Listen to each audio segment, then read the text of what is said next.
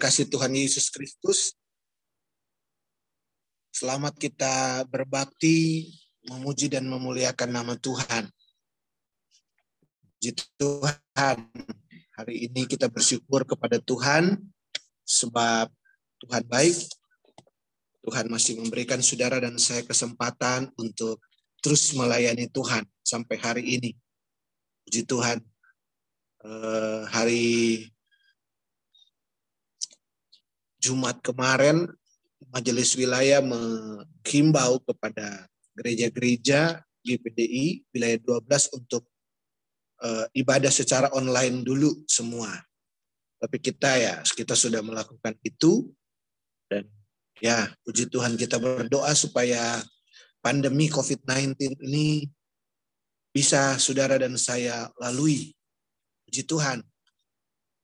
Kebenaran firman Tuhan pada sore hari ini di dalam dua Raja-Raja pasal yang ketujuh, ayat 1 dan ayat 2. Dua Raja-Raja pasal 7 ayat 1 dan 2.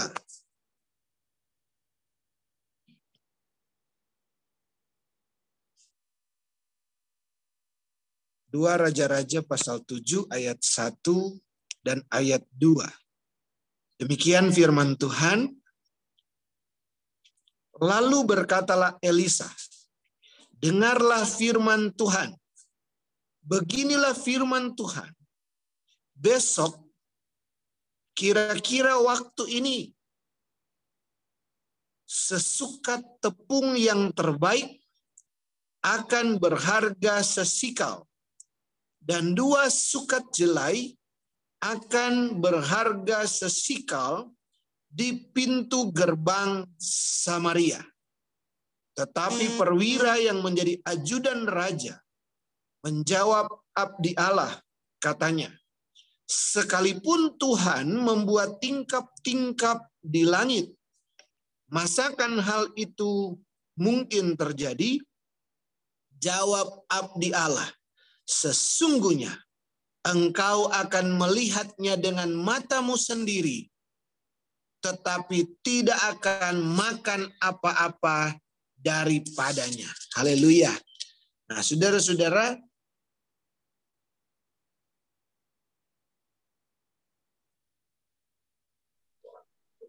ayat yang ke-17 kalau kita lihat di sana, ayat yang mulai ayat yang ke-16 dikatakan, maka keluarlah penduduk kota itu menjarah tempat perkemahan orang Arab karena itu sesuka tepung yang terbaik berharga sesikal dan dua sukat jelai berharga sesikal sesuai dengan firman Tuhan. Adapun raja telah menempatkan perwira yang menjadi ajudannya itu mengawasi pintu gerbang. Tetapi rakyat menginjak-injak dia di pintu gerbang Lalu ia mati sesuai dengan perkataan abdi Allah yang mengatakan mengatakannya pada waktu raja datang mendapatkan dia. Dan terjadilah dan terjadi juga seperti yang dikatakan abdi Allah itu pada raja. Dua sukat jelai akan berharga sesikal dan sesukat tepung yang terbaik akan berharga sesikal. Besok Kira-kira waktu ini di pintu gerbang Samaria. Pada waktu itu si perwira menjawab abdi Allah itu. Sekalipun Tuhan membuat tingkap-tingkap langit di tingkat-tingkap langit, masakan hal itu mungkin terjadi? Tetapi Elisa berkata, sesungguhnya engkau akan melihatnya dengan matamu sendiri, tetapi tidak akan makan apa-apa daripadanya. Demikianlah terjadi pada orang itu. Rakyat menginjak-injak dia di depan pintu gerbang, lalu matilah ia. Nah, saudara-saudara yang kekasih dalam Tuhan, firman Tuhan ini dicatat agar supaya saudara dan saya jemaat Tuhan boleh belajar, boleh melihat kehendak Tuhan apa yang Tuhan inginkan dalam kehidupan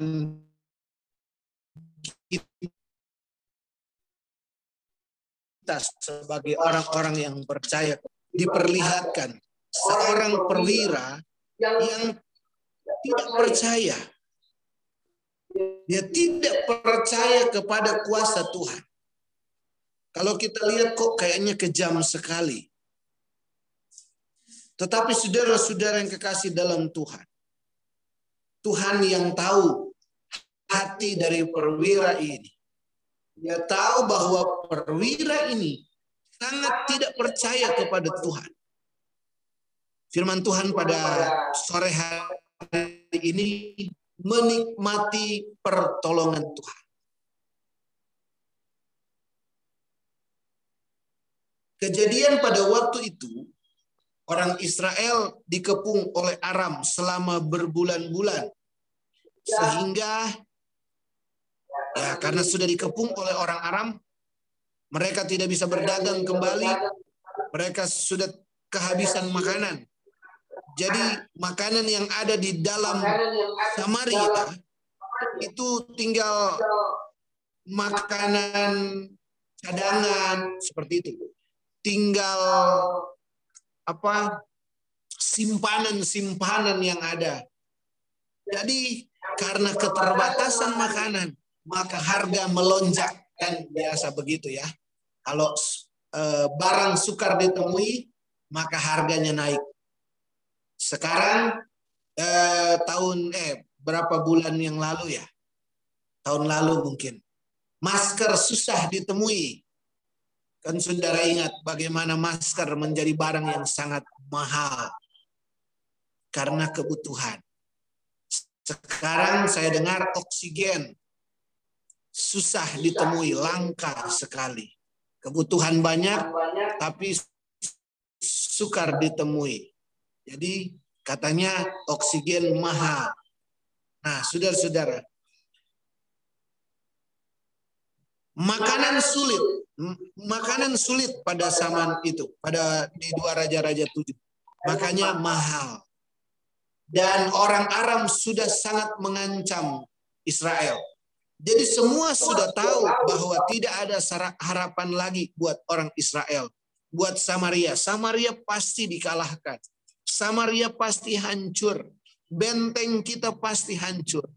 Sudah tidak ada lagi yang bisa menolong kita Waduh, makanan gimana? Masyarakat menjerit seperti zaman sekarang menghadapi COVID-19. Banyak yang menjerit. Ekonomi anjlok. Hancur, bisnis-bisnis hancur.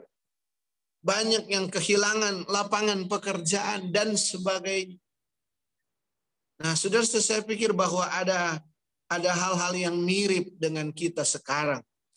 Itu sebabnya saya eh, Tuhan taruh di hati saya untuk bagikan kepada saudara bahwa mungkin mungkin masalah berbeda, tetapi kesulitan kita ya sama dengan dua raja-raja pasal yang ketujuh. Tetapi di sini yang Tuhan inginkan adalah percaya kepada Tuhan. Percaya apa yang diperlihatkan di sini? Ceritanya ada seorang perwira yang berkata tadi di dua Raja-Raja 7 ayat 2. Perwira ini adalah orang Israel. Dia percaya kepada Tuhan. Tuhannya adalah Tuhan yang saudara dan saya sembah. Tuhannya orang Israel. Dan dia tahu ada Tuhan. Tetapi ketika firman Tuhan berkata, firman Tuhan datang bahwa besok Masalah akan diselesaikan oleh Tuhan.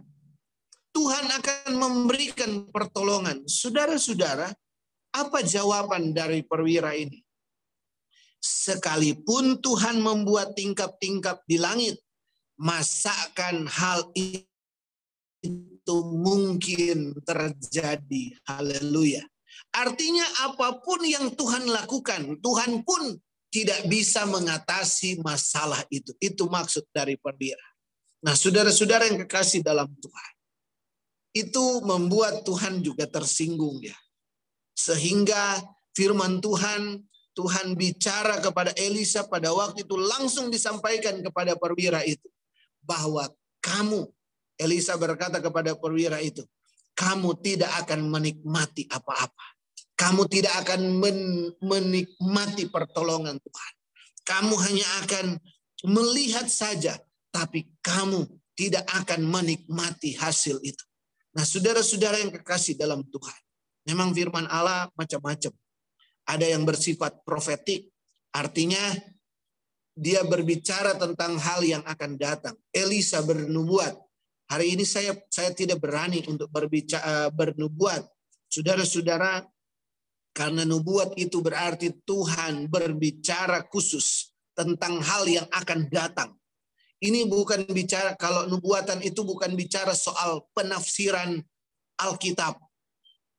Saudara jangan kita jangan jangan salah. Ada banyak sekali oh itu nubuat. Sudah kalau sudah firman Tuhan sudah bilang bahwa akan ada apa? kebangkitan orang mati. Oh, dia bernubuat, dia itu sudah ada di dalam firman Allah. Tetapi nubuatan itu artinya bahwa ada ada hal yang akan terjadi hal yang akan terjadi dan itu diberitakan secara langsung. Elisa berkata itu buat besok harga pangan, harga harga makanan, harga pangan itu akan bernilai apa sesikal. Jadi eh, harganya bisa dikatakan kalau memang zaman dulu itu eh, mereka di sana pakai sikal ya. Jadi uh, alat pembayarannya tidak murah. Artinya uh, firman Tuhan katakan bahwa Elisa berkata besok harga makanan, harga pangan itu akan murah kok. Jadi saudara-saudara itu adalah nubuatan pada waktu itu. Tetapi perwira ini berkata, biarpun Tuhan membuat tingkap-tingkap di langit, itu tidak akan terjadi. Artinya Tuhan tidak mampu melakukan itu. Itu sebabnya kalau kita lihat hasilnya memang begitu luar biasa. Perwira itu dihukum luar biasa karena betul-betul dia melecehkan Tuhan. Dia katakan biarpun Tuhan melakukan apa pun tidak akan memberikan jalan keluar bagi permasalahan yang mereka alami. Orang Aram sedang berkemah dan siap-siap untuk menyerang. Bagaimana mungkin bisa lolos dari orang Aram? Wah, Orang Aram itu hebat. Orang Aram itu luar biasa. Nggak mungkin kita lolos. Biar Tuhan ber, bekerja juga nggak akan mungkin. Saudara-saudara yang kekasih dalam Tuhan. Untuk menikmati pertolongan Tuhan. Yang pertama adalah percaya sungguh kepada Tuhan. Itu dulu, percaya kepada Tuhan. Tuhan sanggup membuat sesuatu Tuhan sanggup memberikan pertolongan kepada kita. Tentu dengan caranya Tuhan. Apakah Tuhan sanggup uh, menolong kita dari pandemi ini?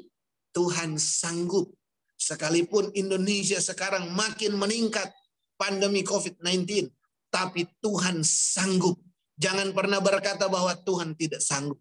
Kita percaya kepada kuasa Tuhan. Nanti kita akan lihat yang kedua bahwa bicara soal kehendak Tuhan, kehendak Tuhan yang akan bekerja. Tetapi bagi saudara dan saya yang harus kita lakukan percaya kepada Tuhan. 1 Samuel 30 ayat yang ke-6 di sana Daud dia berkata di dalam 1 Samuel pasal yang ke-30 ayat yang ke-6 dan Daud sangat terjepit karena rakyat mengatakan hendak melempari dia dengan batu. Seluruh rakyat itu telah pedih hati, masing-masing karena anaknya laki-laki dan perempuan. Tetapi Daud menguatkan kepercayaannya kepada Tuhan Allahnya. Jangan mau kalah dengan keadaan. Jangan mau kalah dengan masalah. Tapi kuatkan kepercayaan kita bahwa Tuhan sanggup. Tuhan sanggup. Tuhan sanggup menolong kita. Tuhan sanggup membebaskan kita dari segala masalah kita. Nah, saudara-saudara yang kekasih dalam Tuhan, ini dulu yang pertama. Jangan mau digoyahkan. Tuhan sanggup. Apakah Tuhan sanggup meloloskan kita dari COVID-19? Tuhan Tuhan sanggup. Apakah Tuhan sanggup melewatkan COVID-19? Tuhan sanggup. Tetapi nanti ada persoalan yang kedua. Mari kita lihat Matius pasal yang ke-8 ayat yang kedua. Ada satu contoh di sana, Matius 8 ayat yang kedua. Seorang yang sakit kusta. Setelah Yesus turun dari bukit, ayat 1, setelah Yesus turun dari bukit, orang banyak berbondong-bondong mengikuti dia. Maka datanglah seorang yang sakit kusta kepadanya. Lalu sujud menyembah dia dan berkata, Tuhan, jika Tuhan mau, Tuhan dapat mentahirkan aku. Ini yang kedua. Berbeda dengan perwira di dalam Eh, satu Samuel tadi pasal yang eh, di dalam dua raja-raja pasal 7. Orang ini dia punya iman kepada Tuhan. Tapi memang dia tidak mau karena dia tidak mendapatkan profetik, dia tidak mendapatkan nubuatan bahwa dia akan sembuh. Sebentar dia akan sembuh, dia tidak punya itu. Dia tidak mendahului. Jadi kalau kalau ada juga sekarang nubuat yang dibuat-buat. Kalau Tuhan tidak bicara, jangan kita mendahului. Tetapi tetap percaya. Orang ini percaya. Dia berkata kepada Yesus, Tuhan, kalau Tuhan mau, Tuhan dapat mentahirkan saya. Kalau Tuhan, jika Tuhan mau, Tuhan dapat mentahirkan aku. Dia percaya kepada kuasa Tuhan. Dia percaya kepada kuasa Yesus. Jadi dia hanya menyodorkan uh, permintaan ini kepada Yesus. Dia mau katakan, dia katakan kepada Yesus, aku percaya engkau sanggup jika engkau mau melakukannya. Ini persoalan yang berbeda. Kalau yang pertama tadi pelecehan terhadap Tuhan, Tuhan tidak sanggup Tuhan tidak sanggup dia mau lakukan apa pun tidak bisa menjadi eh, apa tidak bisa menjadi jawaban atas masalah. Tapi kalau Matius pasal yang ke-8 ini tidak. Orang ini berkata, Tuhan sanggup. Tapi persoalannya dia dia menggugah hati Tuhan. Kalau Tuhan mau, engkau dapat mentahirkan aku. Dan kita lihat respon dari Yesus. Aku mau, jadilah engkau tahir. Seketika itu juga tahirlah orang itu daripada kusta itu. Haleluya. Ini yang kedua. Menikmati pertolongan Tuhan. Kita harus bisa menggugah hati Tuhan. Menggugah hati Allah. Orang yang sakit kusta ini, dia menggugah hati Allah. Dia menggugah hati Allah.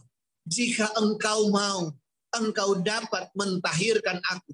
Yesus tersentuh dan Yesus berkata, aku mau, jadilah engkau tahir. Yesus mengajarkan kepada kita, mintalah, maka kepadamu akan diberikan. Carilah, maka kamu akan mendapat. Ketoklah, maka pintu akan dibukakan bagimu. Gugah hati Tuhan. Datang kepada Tuhan. Senangkan hati Tuhan.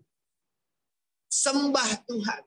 Layani Tuhan dan berkata, kalau engkau mau, jika engkau mau, engkau dapat menolong saya. Saya percaya jawaban Tuhan secara pribadi bagi saudara dan saya. Tuhan akan berkata, aku mau memberi pertolongan kepadamu. Saudara-saudara yang kekasih dalam Tuhan. Ini sebetulnya rahasia menikmati pertolongan Tuhan.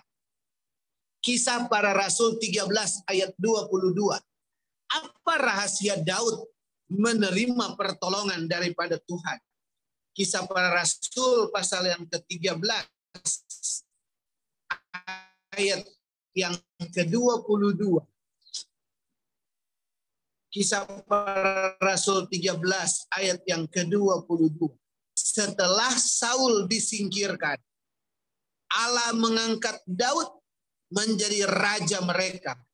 Tentang Daud, Allah telah menyatakan aku telah mendapat Daud bin Isai, seorang yang berkenan di hatiku dan yang melakukan segala kehendakku. Haleluya. Aku telah mendapatkan Daud. Aku telah mendapatkan seorang yang berkenan di hatiku. Jadilah orang yang berkenan di hati Tuhan. Bagaimana Daud berkenan di hati Tuhan? Kata firman Tuhan, Daud melakukan segala kehendak Tuhan. Haleluya. Daud melakukan segala kehendak Tuhan. Nah, saudara-saudara yang kekasih dalam kepada Tuhan dengan melakukan kehendak Tuhan. Haleluya. Saya percaya semua kita menghadapi masalah. Semua kita menghadapi tantangan. Ada banyak ujian. Tetapi jangan kendor. Firman Tuhan minggu yang lalu, penuh minggu lalu. Jangan kendor, tetap percaya kepada Tuhan. Dan kita harus bisa menggugah hati Tuhan. Menggugah hati Allah. Menyenangkanmu senangkanmu. Hanya itu kerinduanku. Tuhan tahu siapa miliknya. Tuhan mengenal orang-orang yang menjadi kepunyaan. Orang-orang yang selalu menyenangkan Tuhan. Dengan apa kita menyenangkan Tuhan? Yang pertama itu tadi iman kita kepada Tuhan. Percaya kita kepada Tuhan membuat Allah sangat disenangkan. Saudara-saudara, kita juga kalau jadi orang kepercayaannya presiden, wah bangga sekali, senang sekali. Kita dipercaya oleh orang lain juga kita senang. Nah, saudara-saudara, Allah pun ingin supaya kita mempercayai Dia. Padahal Dia Tuhan, tapi Dia ingin kita percaya kepadanya. Allah sangat senang kalau kita percaya sungguh kepada Tuhan. Bukan percaya yang dari kata orang saja. Tetapi hati kita percaya, oh Tuhan, Tuhan itu Tuhan yang berkuasa, yang sanggup menolong. Yang kedua, kita menggugah, tahu menggugah hati Tuhan. Kita melakukan kebenaran firman Allah kita menyembah Tuhan. Kita mendekat kepada Tuhan. Sehingga Tuhan berkata, seperti Tuhan berkata, aku menemukan Daud seorang yang berkenan di hati aku. Begitupun Tuhan akan berkata, aku menemukan ada jemaat-jemaat Tuhan yang berkenan di hatiku. Itulah saudara-saudara, saudara dan saya kita menjadi orang-orang yang berkenan di, hadapan Tuhan. Di, di hadapan di di tengah-tengah banyak orang yang taunya menyakiti hati Tuhan. Yang taunya melukai hati Tuhan. Tapi dia menemukan saudara dan saya dengan iman yang tulus dan murni. Dengan kelakuan yang yang setia di hadapan Tuhan. Melakukan perkara-perkara yang sesuai dengan firman Allah menyenangkan dia. Saya percaya pertolongan Tuhan akan tepat pada waktunya. Saya percaya saudara dan saya akan dibawa kepada hari yang baik. Walaupun firman Tuhan katakan bahwa semakin ke depan akan semakin berbahaya hari-hari itu ya 2 Timotius 3 8. Tetapi buat saudara dan saya. Firman Tuhan sudah janji. Dan justru kita percaya kepada janji. Bahwa janji Tuhan dibawa dari kemuliaan kepada kemuliaan yang semakin besar. Dari satu pertolongan kepada pertolongan yang selanjutnya. Tetap kuat di dalam Tuhan, tetap percaya, dan menjadi umat yang menyenangkan hati Tuhan. Tuhan Yesus memberkati kita semua dengan kebenaran firman Allah dan saya serahkan kepada Ibu Gembala untuk melanjutkan uh, doa. Tuhan Yesus memberkati kita semua.